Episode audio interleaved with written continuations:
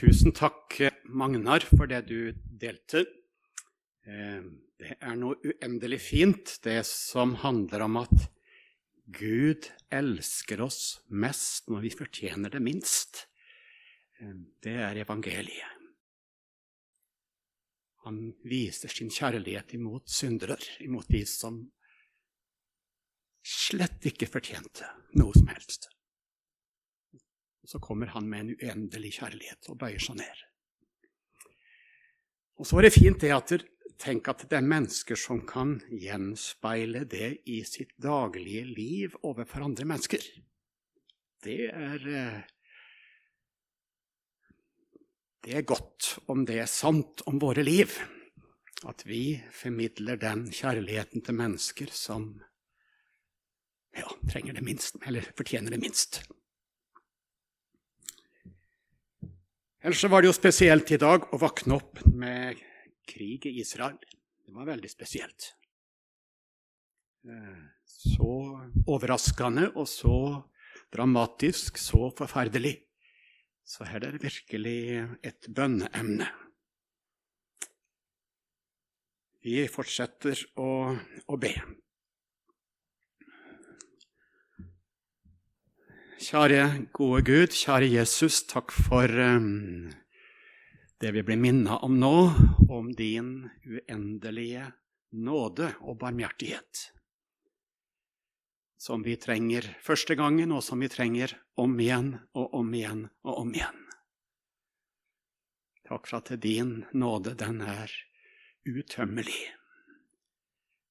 Takk at vi har fått se litt av hvem du er, Jesus, som min frelser, vår frelser.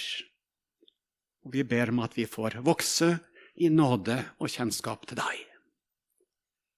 Vi ber om Din Hellige Ånd for dette møtet videre, at vi får se mer av hva du ønsker å gjøre i våre liv ved din ånd og ved ditt ord. Og så ber vi for eh, Israel i dag. Vi ber for krigen som raser der nede akkurat nå. Og du forbarme deg over alle involverte der. Vi vet ikke hva som er din tidsplan i endetida, men vi ber om at mennesker må søke deg midt i krigens redsler. Vi ber om at det jødiske folk må ta imot deg som frelser, sånn som du har sagt. Og vi ber om at du får holde din hånd over alt som skjer der nede, midt i det vonde. Det ber vi om i Jesu navn. Amen.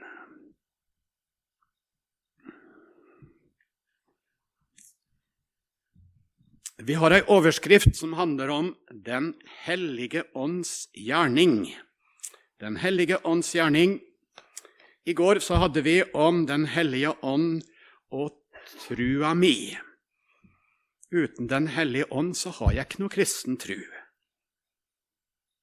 Luther sier det sånn Jeg tror at jeg ikke av egen makt eller kraft kan tro på Han eller komme til Han.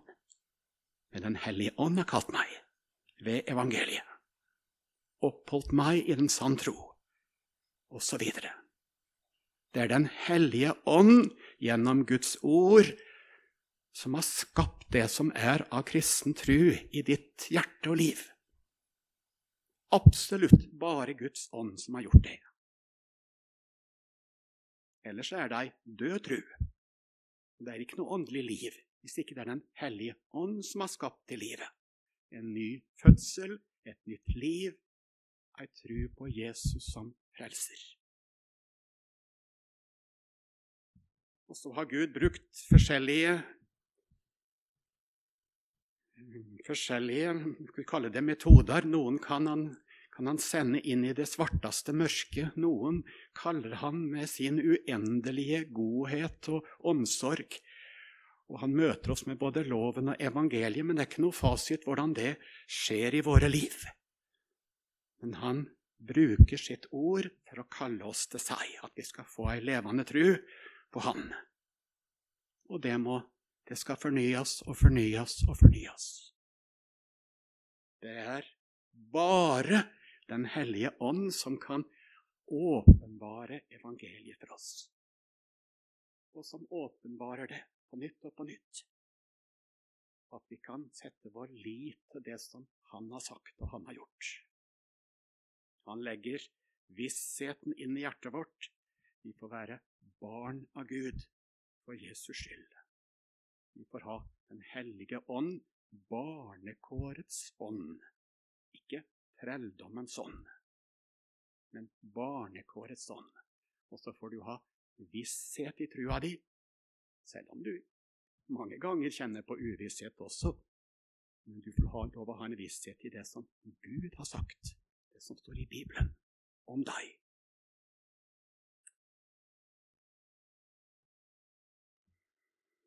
I dag skal vi ha som ei overskrift eh, Den hellige ånd og det kristne livet. Den hellige ånd og det kristne livet. Og I morgen så handler det om Den hellige ånd og, den, og menigheten, forsamlingen. Det er klart det, det henger jo sammen, de herre, men vi prøver å dele det opp på den måten. Vi skal snakke litt om åndens frukt, om å leve et liv i ånden, livet etter Guds bud. Vi skal snakke om åndens fylde, om bønnens ånd, og at Den hellige ånd skaper lengsel etter målet vårt. Jeg spurte på Tryggheim her om dagen, da ble det en sånn kortversjon av dette. Hva er det første som Den hellige ånd eh, legger inn i en kristen sitt hjerte? Hva er det første som Den hellige ånd legger inn i en kristen sitt hjerte? Jeg vet ikke om det finnes bare ett fasitsvar på det, men det står jo i hvert fall det at den første av Den hellige ånds frukter, det er kjærlighet, står det. Åndens frukt er kjærlighet, glede, fred osv. Og det er jo absolutt ikke en kjærlighet som er kommet opp ifra ditt indre. Men Bibelen sier det. Du begynner å elske fordi han elska deg først.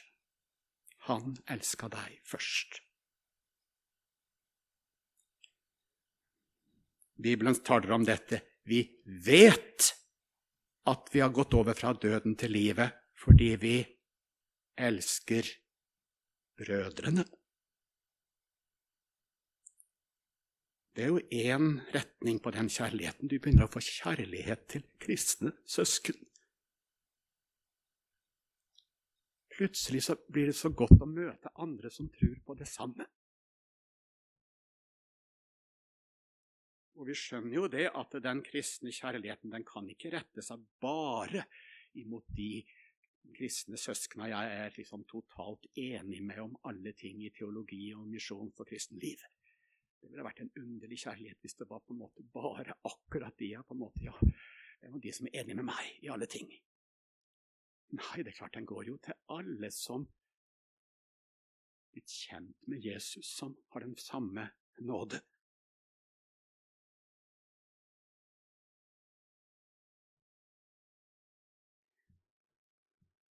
Åndens frukt er kjærlighet. Og det er jo en kjærlighet til, Gud sjøl. En kjærlighet til Jesus. Og Jesus spør jo Peter, 'Elsker du meg?' Og da spør jo Jesus, 'Elsker du meg mer enn disse?'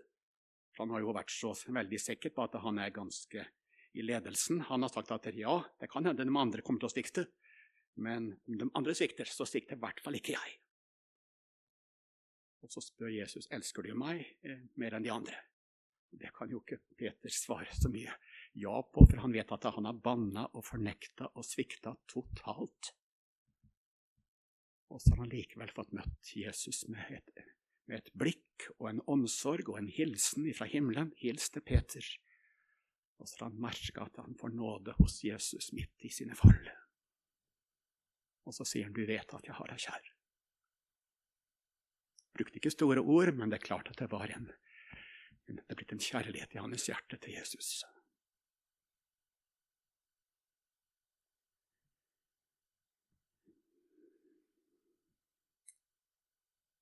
Og så er det vel sånn i Bibelen at det står ikke at et tre kanskje skal bære god frukt, men et godt tre bærer god frukt.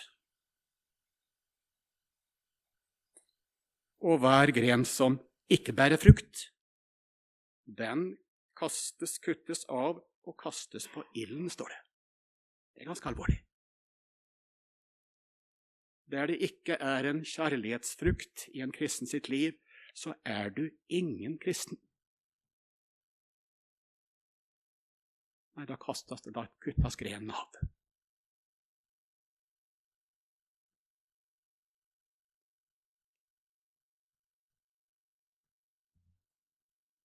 Men hver gren som bærer frukt, den renser han for at den skal bære mer frukt.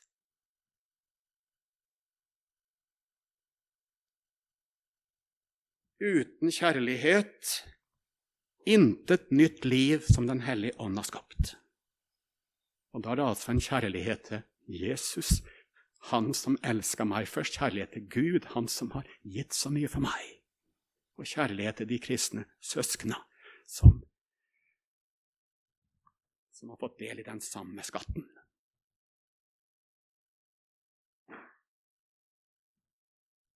Og så er det jo samtidig en kristen sin fortvilelse når du skal snu liksom blikket innover og prøve å oppdage denne kjærligheten i ditt eget hjerte. Og så ser du litt av hva som lever der av negative tanker imot andre. Gode kristne søsken, men du, du kan ha så negative tanker imot dem og så dårlige holdninger imot dem. Og du kjenner på kulde, og du kjenner på det stikk motsatte av denne kjærligheten. Så det er klart, når du skal liksom oppdage denne kjærligheten inni deg, så er det ikke sånn at ja, ja, den kjærligheten den har jeg rikelig av. Nei, du tenker at det er, den er vanskelig å finne i ditt liv, tenker du. Men det viktigste er jo at det er noe som Gud ser, og de andre menneskene får merke. Ikke hva du oppdager når du skal snu blikket innover.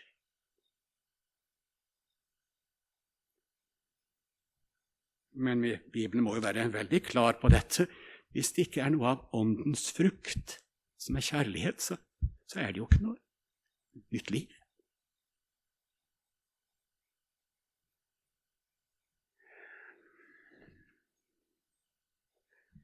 I 1. Korinterne 13 så står det om eh, det er mennesker som har litt ulike nådegaver, og det er mye stort de har. Og så sier, sier, Paulus det om jeg har profetisk gave og kjenner alle hemmeligheter og all kunnskap, om jeg har all tro, så jeg kan flytte fjell, men ikke av kjærlighet, da er jeg intet, sier han.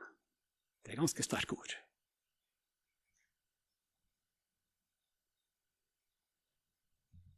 Og denne kjærligheten, det er jo absolutt ikke noe som er produsert ifra ditt hjerte. Det er noe som gis deg ved Den hellige ånd, sier Bibelen.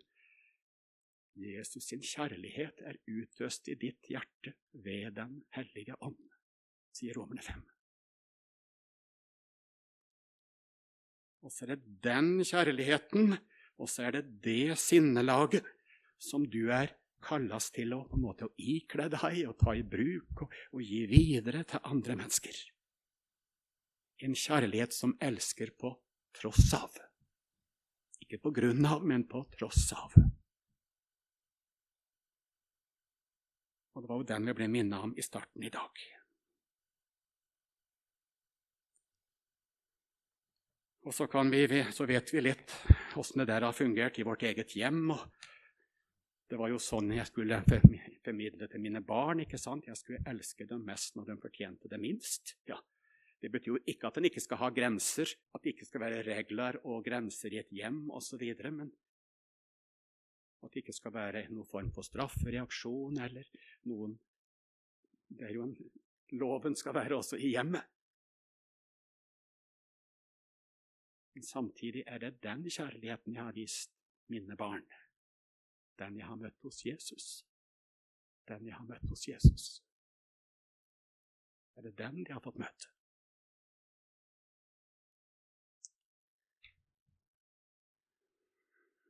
Hvordan kan denne kjærligheten leve og vokse i ditt liv? Johannes 15, vers 5. Johannes 15, vers 5. Den som blir i meg, og jeg i ham, han bærer mye frukt.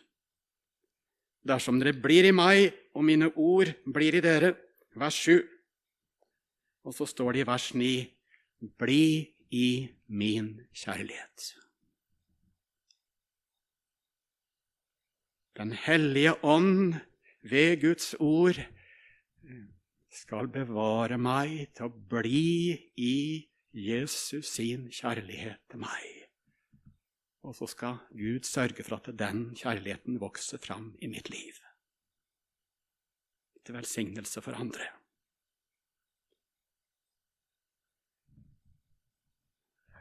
Det var det første jeg hadde lyst til å dele med dere om Den hellige ånds gjerning i livet. I livet. Den handler om å forbli i Guds kjærlighet til en synder.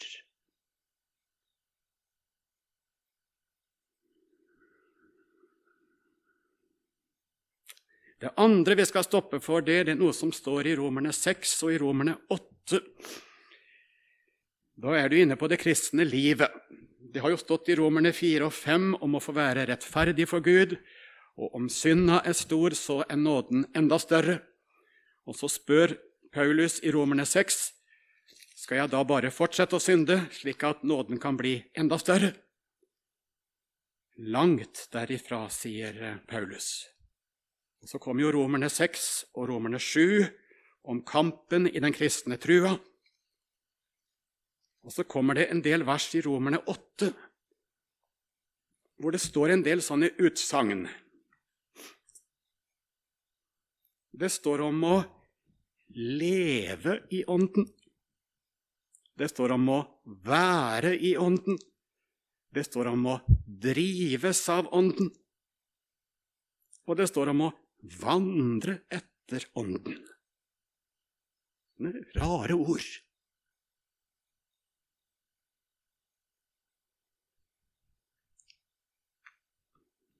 Vers 3, Romerne 8.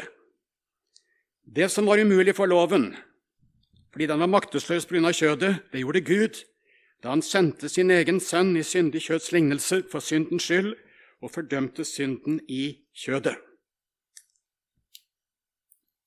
For at lovens rettferdighet skulle bli oppfylt i oss, ikke for oss, her handler det om, altså om livet som en kristen, skal bli oppfylt i oss. Vi som ikke vandrer etter kjødet, men etter Ånden. Altså, en kristen vandrer ikke etter kjødet, men han vandrer etter Ånden. De som er etter kjødet, attrår det som hører kjødet til. De som er etter Ånden, attrår det som hører Ånden til. For kjødets attrå er død, men Åndens attrå er liv og fred. Kjødets attrå er jo fiendskap mot Gud. Det er ikke Guds lov lydig, kan heller ikke være være det.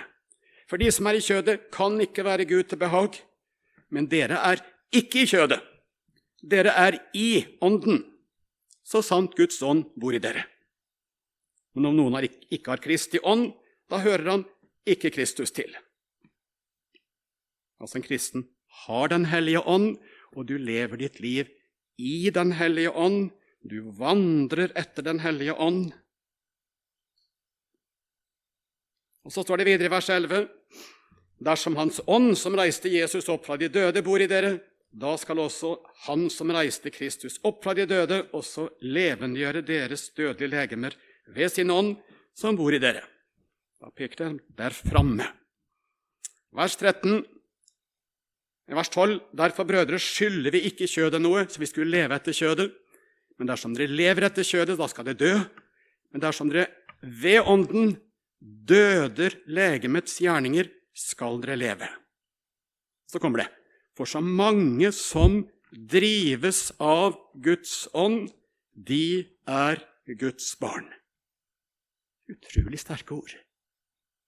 Så mange som drives av Guds ånd, de er Guds barn.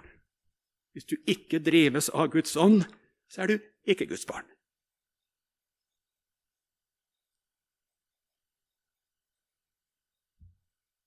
Og så vet vi at den samme Paulus han har skildra kampen i hjertet sitt i kapittelet foran.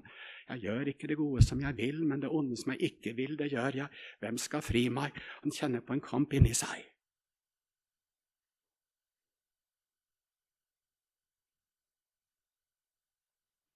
Men her sier altså Bibelen en kristen lever i Ånden, vandrer i Ånden, er i Ånden, og han lever ikke etter kjødet. Ja, men jeg faller i mange synder, og noen synder jeg er ekstra svak for. Lever du ikke da etter kjødet? Når du faller i en synd om igjen? Eller gjør du det? Eller kan du gjøre det som det står her Dersom dere ved Ånden døder legemets gjerninger, skal dere leve. Så her er vi vel midt inne i på en måte den daglige omvendelse. At det er Den hellige ånd som døder legemets gjerninger. Det skjer også når du har falt. Du får gå til Jesus med det. Du får gå til korset med det. Og så får det dødes der. Så får du ta imot ny nåde der. Og høre at Jesus har tatt også den synda på seg, den som, er, den som du også kan falle i om igjen og om igjen. Men du kan aldri leve i det. Kan aldri forsvare det. Du kan aldri godta det. Du kan aldri synes det er greit. Så her handler det jo om å leve i Ånden. Da, da vil du la Ånden lyse inn i livet ditt og minne deg om dette var ikke rett. Dette var ikke rett. Det skal dødes. Det må du vende deg bort ifra, det må du bekjenne. Det må, det må til korset.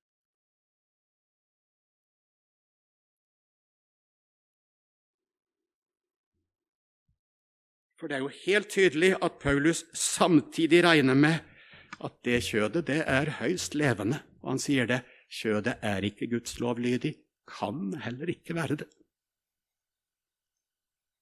Så midt i dette så regner han med at han har en natur som er gudfiendtlig, og som ikke blir det grannet bedre om du blir 60 eller 70 eller 80 år. Kan bare spørre han Sverre her. Du har ikke blitt noe frommere inni, inni deg, selv om du kommer langt opp i åra. Det kjødet er det samme. Men du kan ikke leve etter det, leve i det. Men Jesus har tatt det på seg, og du får overgi det til korset, til Han. På nytt og på nytt.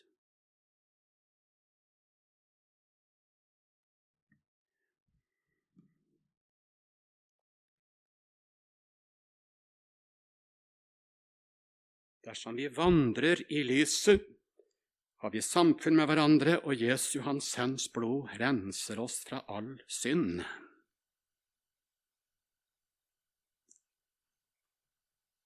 Å leve i Ånden, det må jo handle om å leve i lyset. Og at Guds ånd får jevnlig holde deg der i lyset og drive deg til Jesus.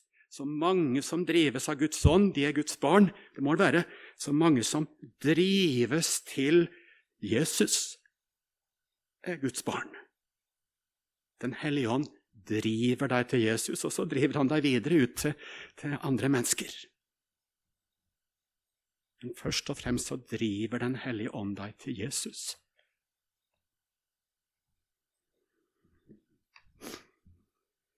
Det neste jeg vil prøve å peke på, det er dette med Den hellige ånd og livet etter Guds bud. Den hellige ånd og livet etter Guds bud. Det er vel Luther som har sagt noe om dette, at Gud trenger ikke dine gode gjerninger. Gud har ingen behov for dine gode gjerninger, men din neste trenger dine gode gjerninger. Din neste trenger det nye livet som Den hellige ånd har lagt ned i deg. Dine venner og dine uvenner trenger det nye livet. Men Gud trenger det ikke. Han har fått en rettferdighet som, som holder, så han har fått det han trenger.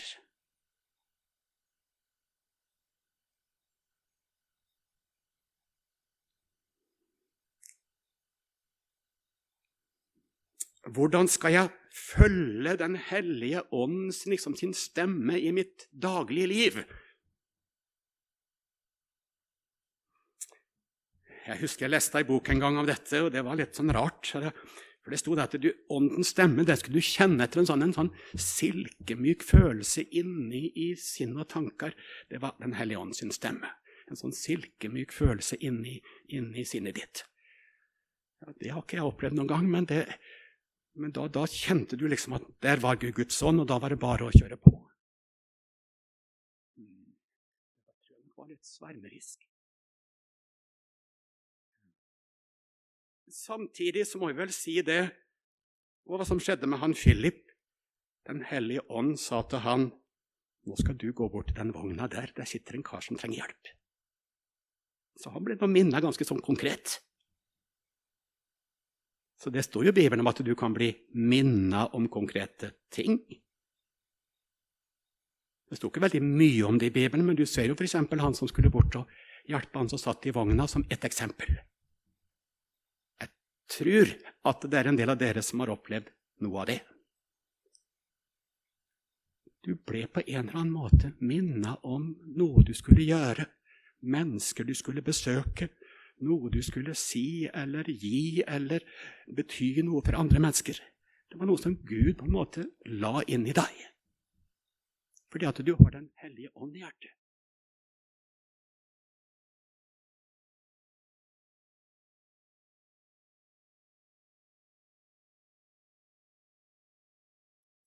Det står jo om å vandre i ferdiglagte gjerninger, og da trenger du jo Guds ånd liksom, for å se, for å se deg i det daglige liv. Her har Gud latt deg møte et menneske. Her har Gud sendt noen i din vei. Og Noen ganger så må du velge en annen vei for at du skulle møte et konkret menneske. Men det normale, det vanlige, er vel ikke en sånn en Kalle det en sånn en spesiell ledelse. Det står nå i Esekiel 36, 27. Esekiel 36, 27.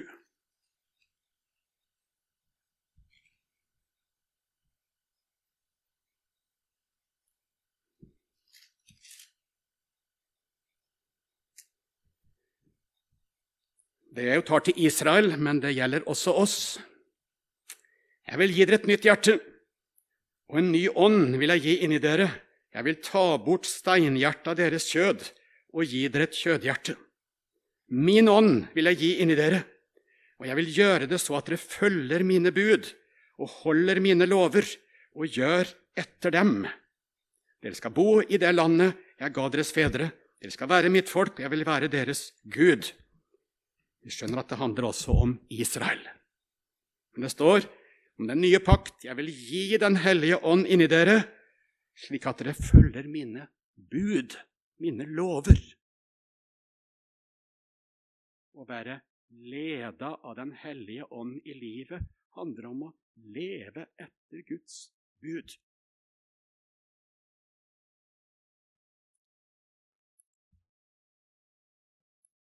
Dag så blir jo dette gjort veldig I dag er det Ja, men kjærligheten den står vel egentlig over. Og da ikke den kjærligheten jeg snakka om i stad, men den, den her ubestemmelige kjærligheten til, til, andre mennesker i en eller annen form, og gjerne noe seksuell kjærlighet. Det, den er jo gitt ifra Gud, og den, det er jo den som jeg må følge. Ja, men kjærligheten står jo ikke over Guds bud. eh, hvis det er Den hellige ånd du har fått, så vil du jo følge Guds bud, Guds formaninger, det som står skrevet. Ja, men jeg har bedt så mye om en konkret ting, og så plutselig så ga Den hellige ånd meg sånn veldig god fred inni meg. For noe tull hvis det er i strid med Guds bud. Da kan du ikke henvise til at du har fått en fred inni deg som Den hellige ånd skal ha gitt deg. Hvis det er i strid med Guds lov, Guds bud, om å bryte ekteskapet, eller om å snakke sant, eller om å, om å ikke, ikke, ta fra de neste, og det kunne være alt Den hellige ånd leder deg i samsvar med hans bud, hans formaninger.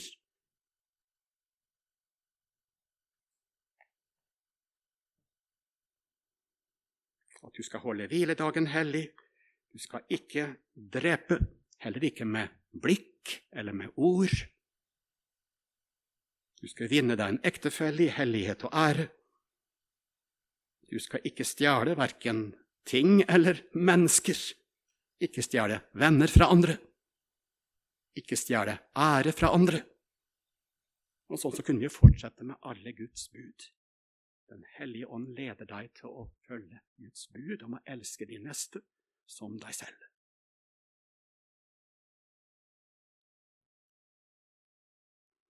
Det neste jeg skal stoppe for litt, det er dette med åndens fylde.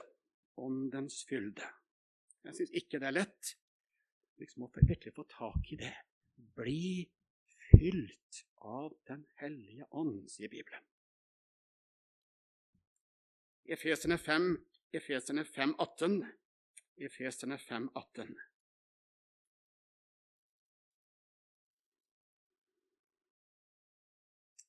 Drikk drikke, ikke drukne av vin, men det fører bare til utskeielser. Men bli fylt av Ånden, så dere taler til hverandre med salmer og lovsanger og åndelige sanger, og synger og spiller for Herren i deres hjerter, og alltid takker Gud og Faderen for alle ting i vår Herre Jesu Kristi navn. Her står det om å bli fylt av Den hellige ånd. En god formaning som gis til deg i dag. Ikke drikk deg drukken av vin. Det fører til utskeielser. Jeg håper og tror at det ikke er det store problemet i denne forsamlingen. Det tror jeg. Jeg vet ikke. En drikker seg ikke drukken av vin også, men du vet, da blir du prega av det. Vi merker den som er drukken. Den blir prega av alkoholen. Si dumme ting, litt mer oppstemt, ta dårlige valg. Og så kan vi, kan vi fylle på med hva som skjer når du blir drukken av vin. Så står det 'bli heller fylt av Guds ånd'. Det vil prege deg på en annen måte. Slik at de taler til hverandre med salmer og lovsanger, og alltid takker Gud og Herren for alle ting, står det. Her står det at et åndsfylt menneske er prega av takknemlighet. Takknemlighet. Det er alt det Gud har gitt meg, gjort for meg. For det fine været vi har i dag, selv om det regner eller ikke regner. Ja. Eller liksom for alt, har, alt Gud har velsigna deg med. Og aller mest for Hans uendelige nåde imot deg. Det betyr ikke at en skal takke for alle ting, at ikke et åndsfylt menneske kan klage til Gud i sin nød men har det vondt. Det betyr jo absolutt ikke Jobb var en av de mest åndsfylte i den gamle pakt, og han klager sin nød til Gud. Og forteller han om at han opplever ting urettferdig. Det er ikke en motsetning mellom å kunne klage eller fortelle Gud det som er vondt, og det å kunne takke for alle ting. Jeg tror du merker det. Du møter noen mennesker, og det er helt sikkert en del av det, dere i denne forsamlingen her også. Når du møter, møter, møter dette mennesket, så er det en sånn smittende takknemlighet til Gud du møter.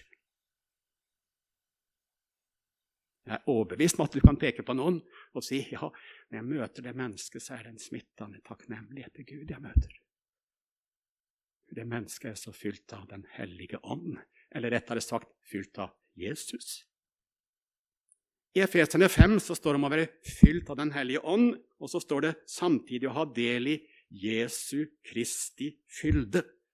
Og det står om å ha del i Guds fylde. I samme brevet så beskrives det om hverandre om å være fylt av Den hellige ånd, fylt av Jesus, fylt av Gud. Det er ingen forskjell. Ingen forskjell. Det er den treenige Gud og hans, hans gjerning som, som fyller hjertet.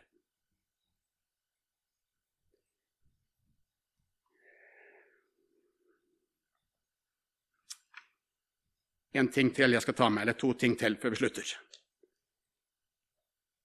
Kan vi snakke om Den hellige ånd i livet uten å snakke om det som Bibelen kaller for bønnens ånd? Bønnens ånd. Det står i Zakaria han vil utgyde nådens og bønnens ånd over folket når han sender vekkelse. Det står en konkret om en profeti mot det jødiske folk. Men det gjelder jo også oss. Den hellige ånd er en bønnens ånd. Og det kan være ransakende for meg. tenker jeg. Det er så lite av lite bønn i mitt liv. Men det er i hvert fall, det er i hvert fall sant at Den hellige ånd er bønnens ånd. Når du våkner på natta, eller når du våkner om morgenen, og så skjer det at du, du må be. Så skjer det at du må be. Eller du møter noe vanskelig i livet, et eller annet, og så må du rope til Gud. Hvem er det som skaper det inni deg? Tror du at du kommer på det sjøl? Nei, det tror ikke jeg. Det er Den hellige ånd som bor i deg, som skaper det, den, det ropet til Gud. Det er Den hellige ånd i deg som vender seg til Gud i de ulike livssituasjoner, og som kan, om så er, vekke deg midt på natta.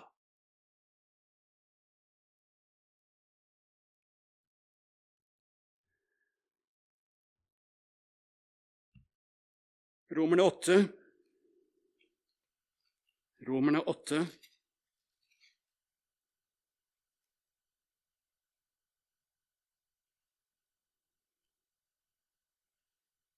vers 26. Også her kommer oss, og her kommer også Ånden oss til hjelp i vår svakhet. Vi vet ikke hva vi skal be om slik vi burde, men Ånden selv går i forbønn for oss med sukk som ikke rommes i ord. Her står det at Den hellige ånd er virksom når du ber. Og om det bare blir et sukk inni hjertet ditt, så er Den hellige ånd en som løfter deg framfor Gud. Den hellige ånd ber for deg. Den hellige ånd hjelper deg i ditt bønneliv. Det er han som skaper bønnelivet og holder oppe bønnelivet.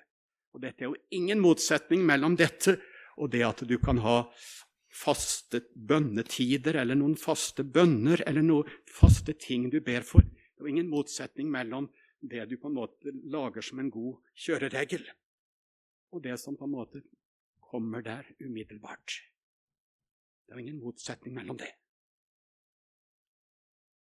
Du gjør ikke noe som er imot Guds ånd om du bestemmer deg i halv fire i dag, så skal jeg ha ei, ha ei bønnestund, og jeg skal be for denne bønnelista jeg har, og gå igjennom disse tinga. Så fint. Det er jo ikke noe motsetning mellom det og så samtidig skaper Den hellige ånd bønn på en måte kontinuerlig.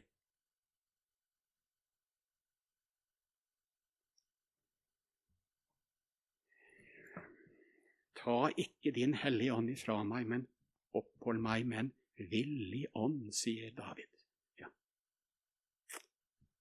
Jeg syns det er så svakt, det her i mitt liv. Men det som er av bønn, det er Den hellige ånd som holder oppe. Det er Den hellige ånd som er skyldig, for å bruke det ordet.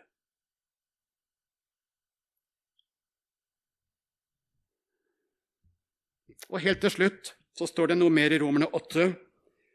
Skal du høre det i Romerne 8, 23? Romerne 8, 23. Ja, ikke bare det, men også vi som har fått Ånden som førstegrøde, også vi sukker med oss selv mens vi lengter etter vårt barnekår, vårt legemes forløsning. Her står det at hele skaperverket lengter etter å bli fri en gang i framtida. Det skal bli en ny himmel, en ny jord. Det skal bli en gjenfødelse av hele skaperverket vårt når Jesus kommer.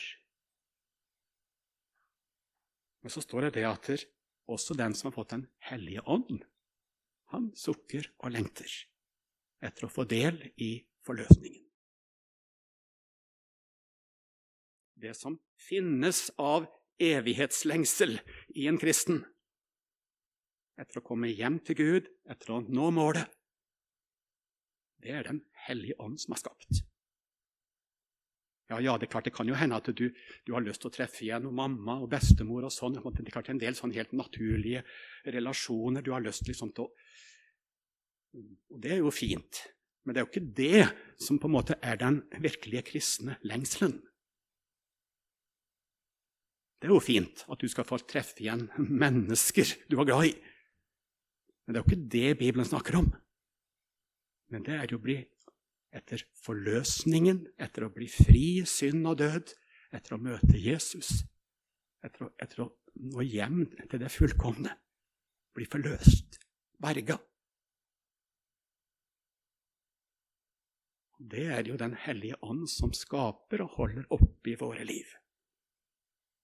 Jeg tror ingen av oss, i hvert fall ikke jeg, skal snakke mye om min voldsomme himmellengsel. Den er ikke så voldsom. Men Den hellige ånd skaper en, en lengsel. Det er den som gjør at du ser framover. Vi skjønner at dette er ekstra mye sterkere blant forfulgte kristne og mennesker som opplever mye lidelse av ulikt slag. Så å, tenk en dag så er jeg fri. Tenk en dag så er jeg fri hjemme hos Gud.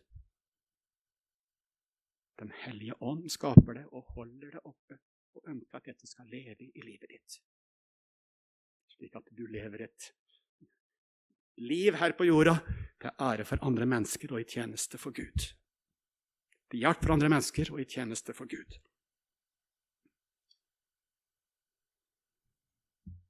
Vi skal be sammen. Kjære Jesus, takk for Den hellige ånds gjerning i våre liv. Vi ber om at du må fylle oss med din ånd. Fyll oss med din ånd, Jesus slik at vi blir mer prega av deg, Jesus, ditt ord, din kjærlighet, din nåde, dine ord, din, vilje. Kjære Jesus, vi bekjenner vår synd for deg. Vi er så langt borte. Det er så mye liv som er på tvers av din vilje. Men vi ber om å få være hos deg på nytt igjen og få lov å leve livet i sammen med deg drives av din ånd inn i, inn, i, inn i, nåden hos deg og ut i livet til andre mennesker. Vi ber om at du må fylle oss med din ånd på nytt igjen, dag for dag, og sterkere gjennom livet. Amen.